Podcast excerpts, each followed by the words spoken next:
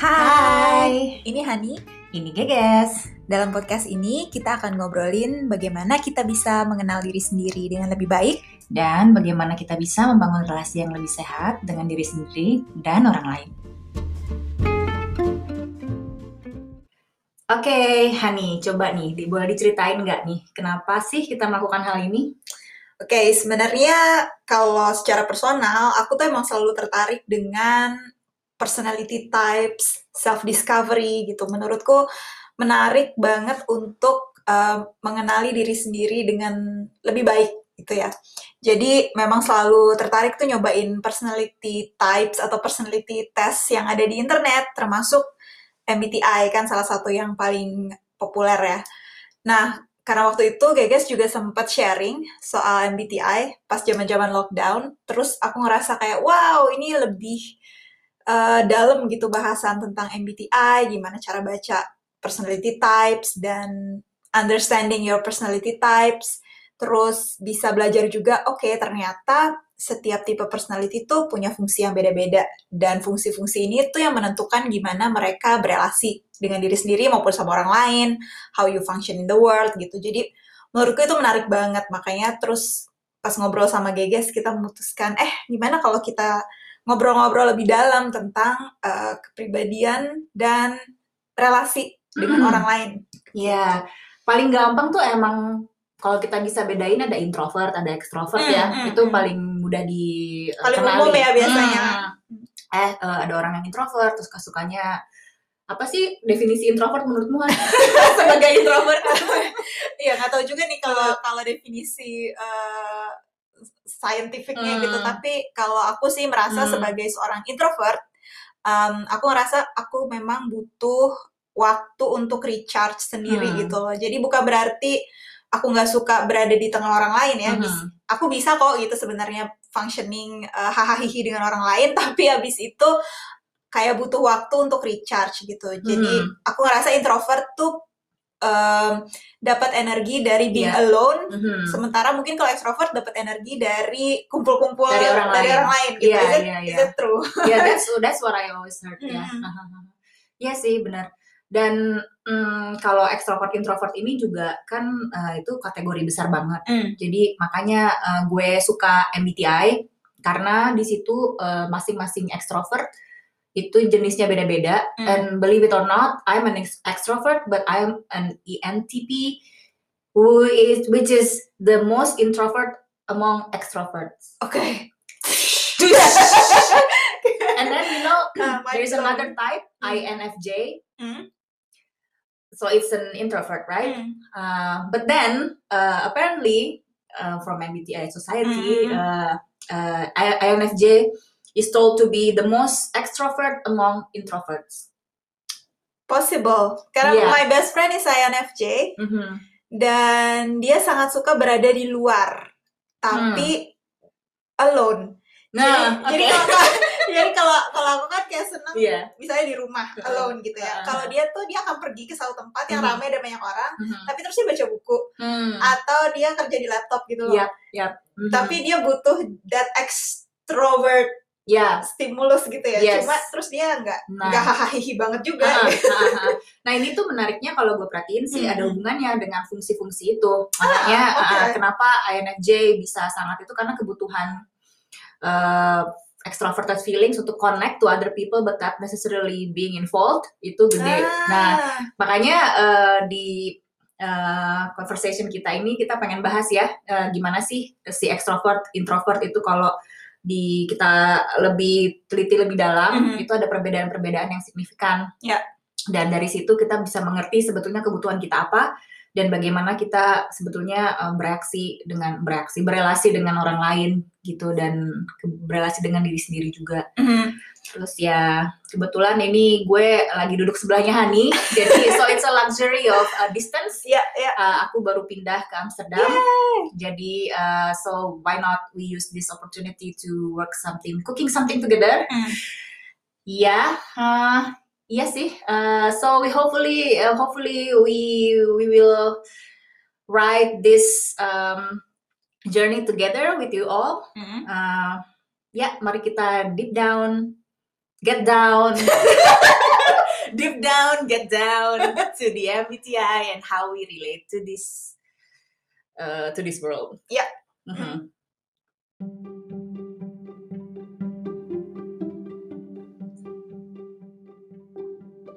Oke, jadi buat teman-teman yang belum pernah ikutan tes, kita kasih linknya di dalam deskripsi podcast ini juga eh, untuk untuk kalian bisa tes dan juga sedikit eh, cheat sheet buat kalian bisa tahu bagaimana sih cara bacanya dan fungsi-fungsi apa aja yang ada di dalam setiap eh, type.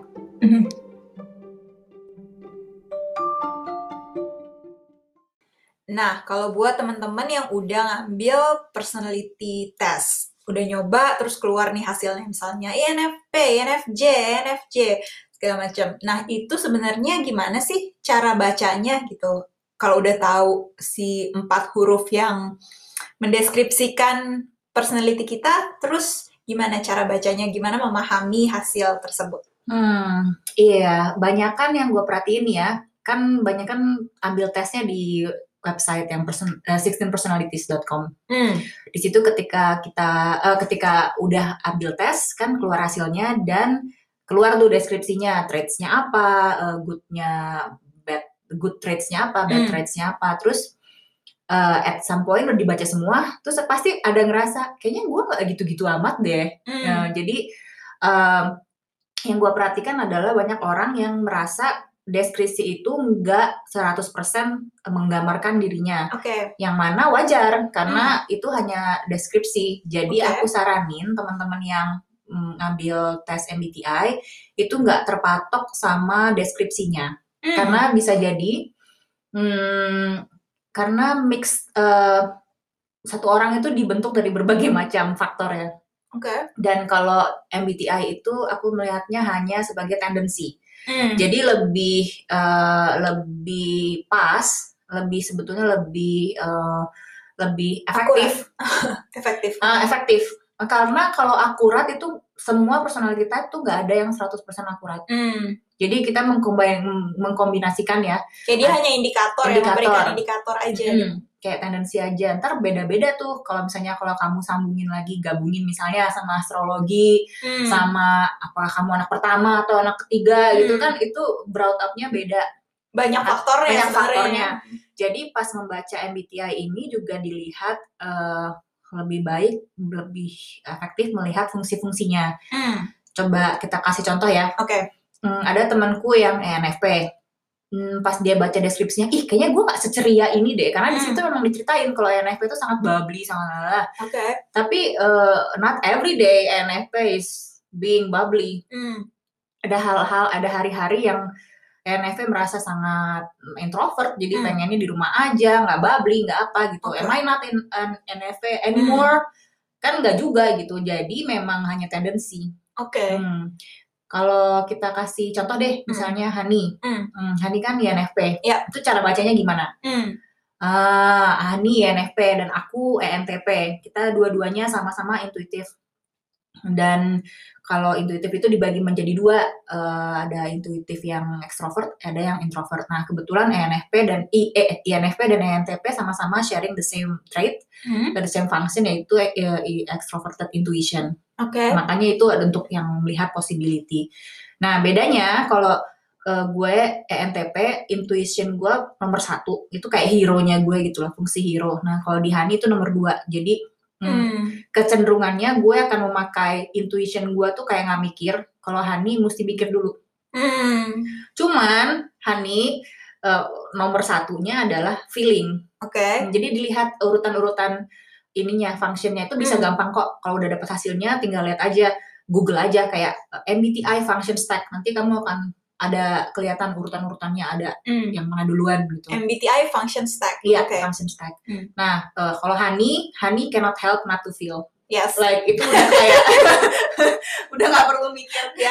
kayak udah otomatis aja nggak perlu dipikirin udah di luar alam bawah sadar nah kalau gue harus mikir Harus mikir untuk merasa. merasa kayak eh, what, what are my feeling Ah, oke. karena gue tuh susah untuk akses feeling internal gue Hmm. karena gue nggak punya extroverted feeling function Mhm. punyanya extrovert feeling jadi gue menggunakan si fungsi introverted thinking gue yang mana Hmm. adalah fungsi kedua yang lebih sering gue pakai. Nah ini kan menarik ya. Jadi kita tuh bisa eh, tipe-tipe orang itu bisa bisa tahu apa sih em, eh, kecenderungannya dari urutan-urutan si function itu. Oke. Makin bawah, eh makin atas itu makin yang eh, nggak pakai mikir Hmm. eh, udah otomatis. Makin bawah itu makin inferior, yang mana kayak mesti effort banget untuk menggunakan fungsi tersebut gitu. Mm-mm, Oke. mm-mm. Hmm. Nah, satu lagi. Eh, ada yang tipenya J, ada yang tipenya P. Oke. Eh, eh, eh, itu judging dan perceiving. Kalau perceiving ini orang-orangnya lebih kayak open ended gitu. Hmm. Jadi dia ya lihat aja ntar gimana gitu. Ah, oke. Ya, heeh, jadi lebih fleksibel. Hmm. Tapi kalau orang J itu udah patok. Misalnya hari ini eh, deadline-nya ini ya udah to do list-nya ini ini ini, ini gitu. Jadi sangat hmm, lebih disiplin. Oke. Hmm. Iya, iya. Nah, karena aku sadar aku orang P, perceiving, Hani juga P. Mhm. Jadi ketika kita membuat project ini, eh, jadi emang harus ada yang eh, apa kayak apa yang ngegas gitu. Kalau Hmm. enggak ya enggak jadi-jadi. Jadinya Iya, iya. eh, jadinya males aja gitu Hmm. karena mager. Hmm. Karena kecenderungannya P adalah mager. Oke. like we are the pro professional procrastinator. Ah, terus terus. Nah, itu. Jadi eh, bagusnya ketika kita tahu hasilnya apa, itu jadi kita tahu ininya ya, eh, cara eh, work around it. Hmm. Hmm. Berarti mungkin juga kalau kita tahu, oke kita functioning kayak gini, misalnya uh, P-nya tuh Mm-mm. kita sama-sama functioning Mm. P-nya gitu. Berarti mungkin kalau bisa juga berpikir, oke gue harus cari teman atau cari partner yang sebenarnya punya fungsi uh, lain gitu yang bisa bikin this relationship works gitu. Yes, yes, yes. Makanya banyak eh, perusahaan-perusahaan yang menggunakan MBTI Hmm. untuk mengetahui eh, di mana sih how to fit this person into this organization. Oke. Karena nggak mungkin juga satu organisasi isinya INFP semua ya. Iya, iya. Karena nggak jadi-jadi. Jadi, jadi, jadi. Karena kayak terus gitu ya. Idenya bagus sih, cuma jadi ide aja. iya, gitu. iya. Cuma nggak ada eksekusi. Yes, Makanya yes. perlu orang-orang yang J, terutama yang ya eh, yang eh, apa model-model STJ, ENTJ itu kayak Hmm. natural ya, natural bagi mereka untuk Natural, deadline, executioner. executioner, betul. Nah, Oke. gitu. Ya, kalau gue sih eksekusi juga, cuman kalau lagi bergairah gue eksekusinya cepet, Bo. Ah. Tapi kalau udah males, Males ya, ya udah, udah ya. lama. Jadi Oke. eh, eh, apa MBTI ini dipakai untuk supaya jangan bersedih Hmm. ketika punya kekurangan kan tenang aja.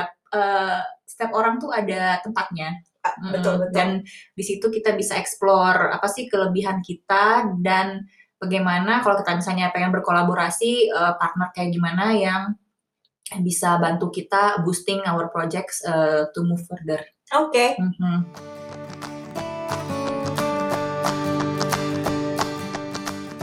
Oke guys, hari ini kan kita mau ngebahas sebenarnya tentang friendship ya, tentang Ya. pertemanan. Hmm. Kenapa kita kenapa kita memulai dengan pertemanan? Oke, eh, karena buat gue tuh friendship tuh gampang-gampang susah ya. Hmm. Ketika kita muda, eh, friendship tuh ya semua juga temen ya. Ya, Oh, ya, benar. yang orang baru ketemu di jalan juga temen gitu. Hmm. Cuman as we grow up, uh, we we try uh, to put new meanings on Hmm. what friendship is. Oke. Dan makin tua kayaknya kita makin selektif juga ya Hmm, hmm. memilih uh, siapa yang jadi teman kita, siapa yang enggak. Nah sebetulnya indikatornya apa dong kalau kayak gitu, ya nggak sih? Oke. Dan terus eh, punya kan kita semakin tua ini juga makin eh kesannya kita udah nenek-nenek. I mean as we grow up Ah, dewasa, dewasa, oke. Um, uh, we we would like to have relationship atau friendship yang truly meaningful and Hmm. support our growth uh, in whatever it is, um, uh, what- whatever it might be for Hmm. us. Um, dan friendship tuh banyak uh, overlooked. Oke. Kayak ya udahlah dia teman gue, uh, tapi terus senyaman apa kamu dengan Hmm. dia?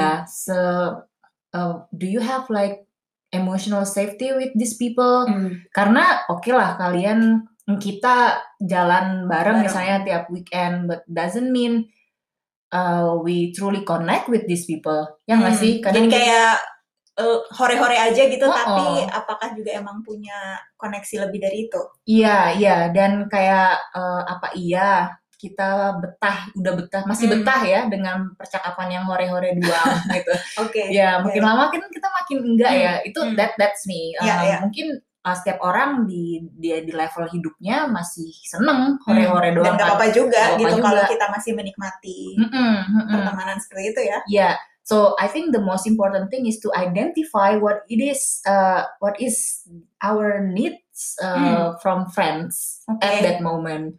So makanya uh, friendship ini menarik dibahas karena Hmm. friendship is friends is our immediate support system, benar ya kan? Ya. Kita pergi dari rumah, bukan lari ya maksudnya. Kita uh, traveling, kita adventure, mencoba Iya. menjadi independen. kita So- lagi patah hati kita lagi patah hati. So who is the first uh, person? Who are the Hmm, first hmm. persons that we talk to? Of course, our friends. Iya, And iya. Because our friends are such a huge support system in our life, Hmm, then then it's natural for us to to to maintain uh, what is uh, the friendship that we want and how Yeah. what friendship that is fulfilling for us. And Hmm. we want to maintain our friends who are there for us. Iya, iya, Kan? benar-benar.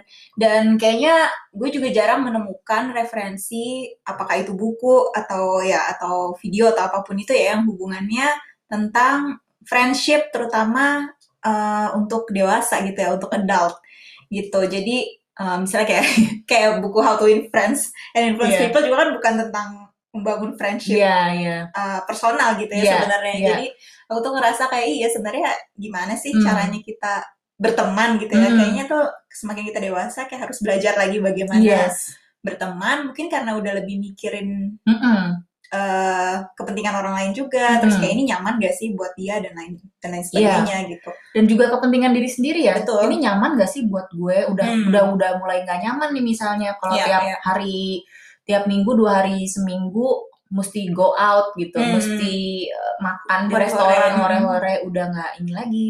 Cuman misalnya kita punya uh, our needs uh, changing, Hmm, hmm. nah changing. So maybe at this time around our need is to have a deeper conversation with Yeah. a friend and can this friend afford that can Hmm. we afford that with uh, with this friend um, dan kalau misalnya ada kebutuhan kita yang ternyata nggak bisa dipenuhin sama Hmm. temen terus kita bete terus kita uh, build resentment Itu dan kita marah sama kita dia. Gitu. marah. Dia teman gue tapi Iya. nggak mau gini sih gitu ya. Iya dia kan temen gue, so we put a lot of ways in in Hmm. the in the in the word friend, but we don't actually know what it contains. Hmm. Kayak dia kan temen gue, harusnya ya itu kan eh, de- Hmm. definisi Iya, iya. gue. Kalau definisinya dia beda lagi gimana? Iya, nah, iya. so ya nggak apa-apa beda-beda ini, cuman yang menjadi concern gue adalah how do we commun- communicate our own definitions Hmm. of friends and what to expect Hmm. what to expect from Iya. our friends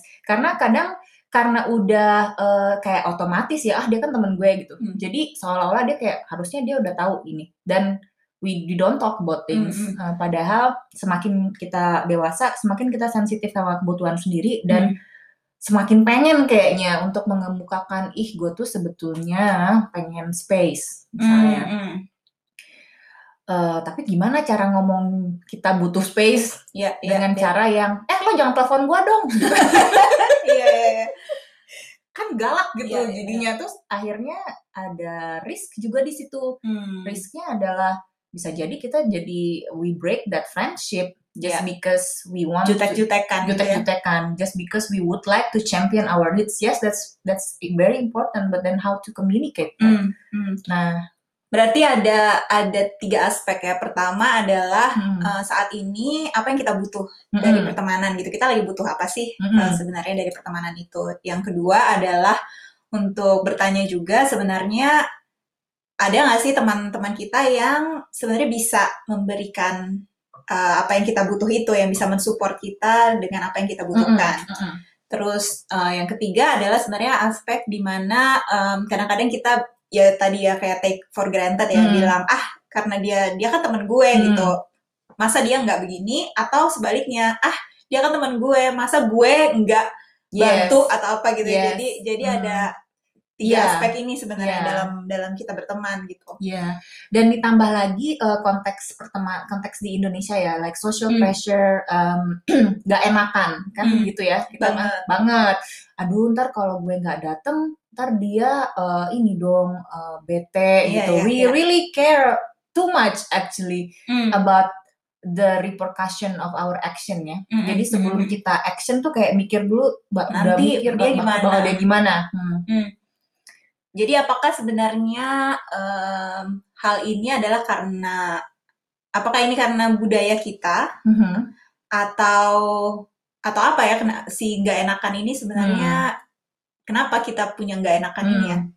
Eh, kalau yang gue lihat sih ada kontribusinya Hmm, budaya hmm. Indonesia yang memang memput others first Ya. before our self Ya. kan dalam eh, undang-undang oh, di dalam kayak Iya. eh, Menempatkan kepentingan kepentingan bersama, di atas kepentingan pribadi Iya, iya, gitu iya, kan Eh, iya iya sih that that works for um, but then there is so much mm, like deeper wisdom behind Hmm, that hmm. so we don't take it like literally meng- Nggak mentah-mentah gitu ya? mentah diterima oke kita harus put other people's needs first Hmm, uh, before uh, us. before us dan the question is kalau terus-terusan kayak gini uh, itu jadi sehat nggak sih jadi Hmm. uh, terus kalau misalnya terus-terusan diem aja nanti kan yang ada build resentment justru Betul. yang buat gue berdasarkan pengalaman pribadi juga Hmm, sih hmm. I build resentment over time Hmm. karena gue tuh nggak Bilangnya nggak enakan, enakan.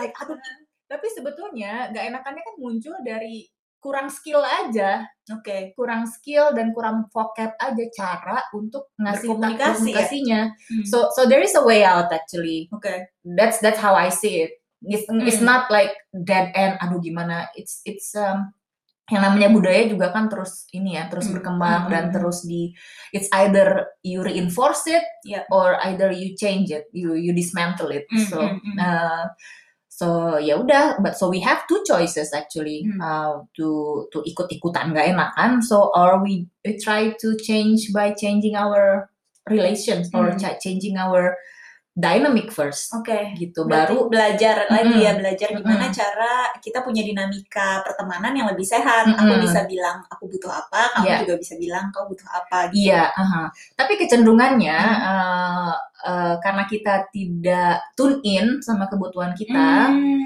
karena keseringan mikirin kebutuhan orang lain Oke. dulu jadinya yang keluar jadi aneh yang keluar Hmm. jadi bisa nggak sih lu uh, Nggak gini gini nggak gini gini. uh, pengennya tuh uh, lu gue tuh pengennya lu begini jadi Hmm. so so we come out first with uh, uh, tuntutan Hmm, Kayak hmm. harusnya kamu begini Oke. karena itu tuh yes I think we can re request that to our friends but most importantly we tune in first Uh, what Hmm. is it that we actually need kalau Hmm. misalnya kamu nggak bisa hang out tiap weekend eh kenapa harus bilang uh, uh, instead of uh, bilang jangan ngajak gue tiap weekend dong atau jangan telepon gue uh, tiba-tiba gitu Hmm.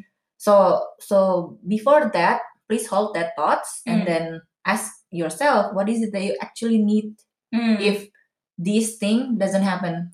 Hmm. Gitu. Oke. Jadi misalnya kayak contoh kasus lah ya, Hmm. let's say karena misalnya aku tipeku adalah INFP. Mm-mm. Secara MBTI gimana tuh guys? Iya. Seorang INFP dalam pertemanan Yes. biasanya gimana kalau based on function ngelihat dari fungsinya? Kalau INFP tuh uh, uh, from what I saw, uh, INFPs are very uh, loyal. Hmm. Hmm, kalau udah suka ya udah uh, terus-terusan Hmm. gitu. Tapi em, apa ya? And then they are also very picky uh, and they are very um, selective gitu. Iya. Dan ya picky sama selektif sama ya. Hmm. Uh, intinya they don't have this energy to extend to many people, Benar-benar. ya kan? Iya.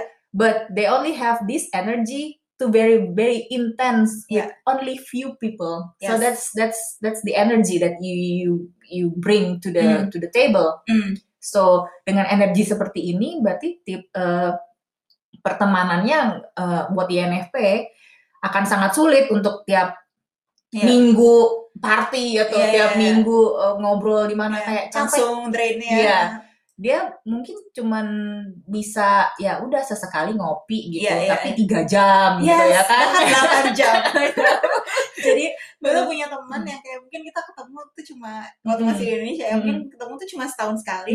Tapi beneran dari jam 9 pagi sampai jam 10 malam. yes yes yes so INFP has the energy to be very intense Mm, that's mm. their unique gift Hmm. That's why uh, buat orang-orang yang bukan INFP mungkin ini kan fungsi yang uh, apa fungsi internal feeling ya. Iya. Jadi kayak deep gitu ke dalam. Hmm, Jadi vertikal bukan horizontal Oke. gitu. Uh, it's not a politician type. Kalau politician Iya. kan semua hayu, semua Hmm. diladenin. Kalau Hmm. INFP hanya ladenin sedikit, Hmm. tapi bener-bener diladenin. Ya. Gimana bedanya sama tipemu dalam berteman? Tipeku, Hmm. waduh, tipeku tuh berteman Coba tipemu apa? Ya, Dan- tipeku ENTP. Uh, so it's a thinker. So I'm I'm a thinker tendency. I have a tendency to think, uh, to to use thinking to make decision. Oke. Even to to have uh, to make a relationship with friends. Kayak misalnya gue mikir ya, mikir, Mikir, mikir tuh dalam analytical gitu. analytical. Ha, misalnya, eh ngapain gue temenan sama nih orang? Nyambung apa enggak? Enggak nyambung Oke. gitu kan? Nah. Terus eh eh, apa?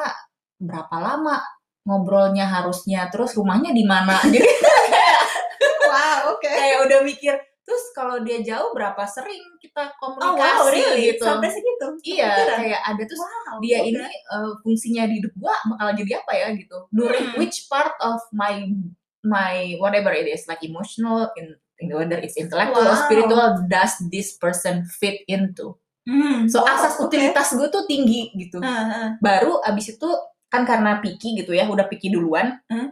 Tapi terus karena gua punya fungsinya extroverted feeling, Mhm. itu fungsi tersiary gue, gue jadi kayak joker jadinya. Jadi kayak Hmm. ah kalau gue judgmental gini duluan kan berarti nanti mungkin kenyataannya nggak sesuai sama apa yang di pikiran gue.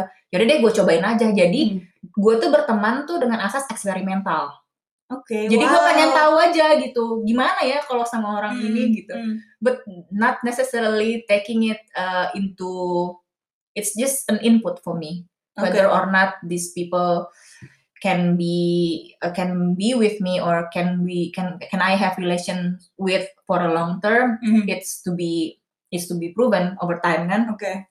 cuman basis gua untuk berteman adalah itu untuk uh, menjaga harmoni sebetulnya gue pengen Hmm. datang tuh untuk FE ya uh, extroverted feeling itu untuk menjaga harmoni dan sebetulnya nggak nggak pengen bikin rusuh Oke. karena gue sendiri punya judgement yang kuat kan misalnya Mhm, tentang apa yang harus gue lakukan mhm. cuman karena nggak pengen terlalu harsh so we I kind of mingle and maybe that's the thing I I I do have a very particular way of thinking but Hmm. I also have the opposite like I can change it so making relationship with other people I open the the opportunity for me to change my own mind Oke. kayak bisa jadi gue salah gitu bisa Hmm. jadi gue nggak bisa jadi orang ini something else that I don't Hmm, know oke. gitu so my basis of uh, friendship is Ah, experimenting Tapi kamu bisa ya, jadi kayak misalnya Eh. mungkin awalnya nggak suka Mm-mm. ketemu pertama, tapi Mm-mm. habis itu kamu oke, tapi let's try again, Yes. siapa tahu it works. yes kayak gitu Sementara aku paling nggak bisa, karena aku kan Iya, berarti feeling iya, ya. iya. Kalau yang udah nggak suka ya udah, ya udah kayak ngapain Ah, gitu loh. ah. Kayak aku langsung, ya semuanya based on feelings gitu, nggak ada Yes. pemikiran. Eh coba lagi ah, siapa tahu dia di kesempatan Iya. dia berubah gitu. Iya. kayak gitu kayak gitu Oke. Ha-ha.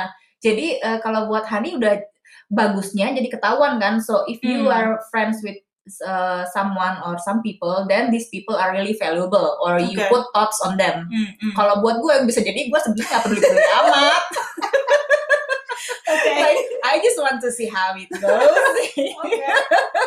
Panggilan untuk teman-teman kayak gitu. Menarik. but then uh, so for me because kita kan dua-duanya perceiving type ya kamu Hmm. INFP aku ENTP Iya. uh, ujung-ujungnya P P, hmm. intinya we kind of open for possibility Oke. cuman buat Hani agak lemot aja Mm-mm. open for, for possibility-nya agak Iya. pelan-pelan gitu kalau Yes. gua hayu aja gitu Oke. Hmm, cuman kalau misalnya gua udah capek nih ah Hmm. capek ah eksperimennya gua cepet draw withdraw Hmm, Nah biasanya di dalam party, kalau gue udah ngeliat nih orangnya pada nggak asik gitu, gue based on my analytical whatever uh, ini ya di di my own mind Hmm. aduh pulang ah gitu Oke. biasanya kalau gue ada bilang pulang itu ada orang yang bilang eh ikutan pulang dong itu biasanya INFP Exactly, itu dia. Itu dia. Aku tuh termasuk kayak kayak gitu karena oke, aku juga kan kayak nggak bisa um, eh ya to be honest I don't like parties gitu ya. Terutama yang banyak, Banyak. orang gitu ya karena Mhm. buat aku tuh aku nggak bisa berkoneksi dalam grup besar menurutku Mhm. dan itu capek gitu. Yes. Tapi aku bisa misalnya di party gede terus aku mendeketin seseorang terus Yes. kita ngobrol one on one gitu Ya. baru pindah one on one ke satu lagi Mhm. tapi nggak bisa tuh yang Mm-mm. kan ada ya orang-orang yang memang kayak life of the party ya Nah, ya. aku tuh gak bisa kayak gitu. Mm-mm. Terus again sebagai INFP gitu ya yang ngundang teman Mm. atau apa gitu terus kayak merasa, duh, kalau di tengah seru-seruan pamit pulang, ya kayak ntar dia tersinggung gak ya gitu Yes. kayak Mhm. kayak my ruining the party gitu Mhm. kayak moodnya lah Mhm. moodnya kayak menghancurkan mood banget sih Iya, gitu kan orang lagi seneng downer. gitu jadi emang selalu tidak merasa nyaman untuk bilang eh, Uh-huh. pulang ya gitu Uh-uh. karena mikir gini ah maybe I have to stay Aha. sampai selesai untuk bantu-bantu bebersih. Ya kayak- Padahal kayak udah udah capek gitu terus kayak kalau gue pulang duluan tuh kesannya ih lo kayak temen kok nggak nggak nggak bantuin gitu loh. Oke. Jadi ya mungkin dan Iya. terus sih kalau ada yang terus bilang eh gue mau pulang, terus Pulang. kayak, eh aku juga nebeng. Iya, like uh, for me it's very easy kalau gue udah ngerasa assessment gue, ih gak asik nih Hmm. tempatnya, gue udah capek ngantuk lagi, Hmm. ah udah ah, pulang Oke. pulang gitu, akan pulang, eh, akan mudah lebih mudah bagi Hmm. gue untuk uh, make decision yang merasa gue kayak males gitu ya. Mhm. Gue nggak ada tuh pikiran kayak Hani, ntar gak enak tuh, ntar suruh ntar apa tunggu sampai selesai. Ah enggak, gue tuh mikirnya gini Han. Hmm. Ini gue udah ngantuk ya Oke. kayak ini tuh jam tidur gue gue mesti naik taksi misalnya Iya, atau enggak gue gue mesti nge catch a bus Iya, gitu iya. so I feel I, I think through about Hmm. my energy level and how I get to my bed like how much Yes, energy okay. I have left gitu so jangan sampai gue kelamaan di sini terus sampai gue capek nggak bisa pulang itu tuh jadi so Oke, that's my uh, ini ya um, how I make a decision at that moment Hmm. karena memperhitungkan berapa lama lagi nih gue mesti di stay di sini dan berapa banyak energi yang gue masih punya. Oke. That's that's a thinker in me Hmm. Mhm. Oke, kalau teman-teman yang mendengarkan punya punya pengalaman juga atau challenge ya, Uh-huh. misalnya let's say kayak tadi ya di Uh-uh. party kalian tipe yang mana? bisa share, Aha. uh, bisa juga share uh, personality type kalian apa ya kalau berdasarkan yang Iya, yeah, iya. kita bisa ngobrol-ngobrol gitu Mhm. untuk untuk ya sharing-sharing aja biar kita tahu sebenarnya Mhm. kita tuh tipe yang seperti apa sih gitu Mhm. butuh kebutuhannya seperti apa sih gitu ya.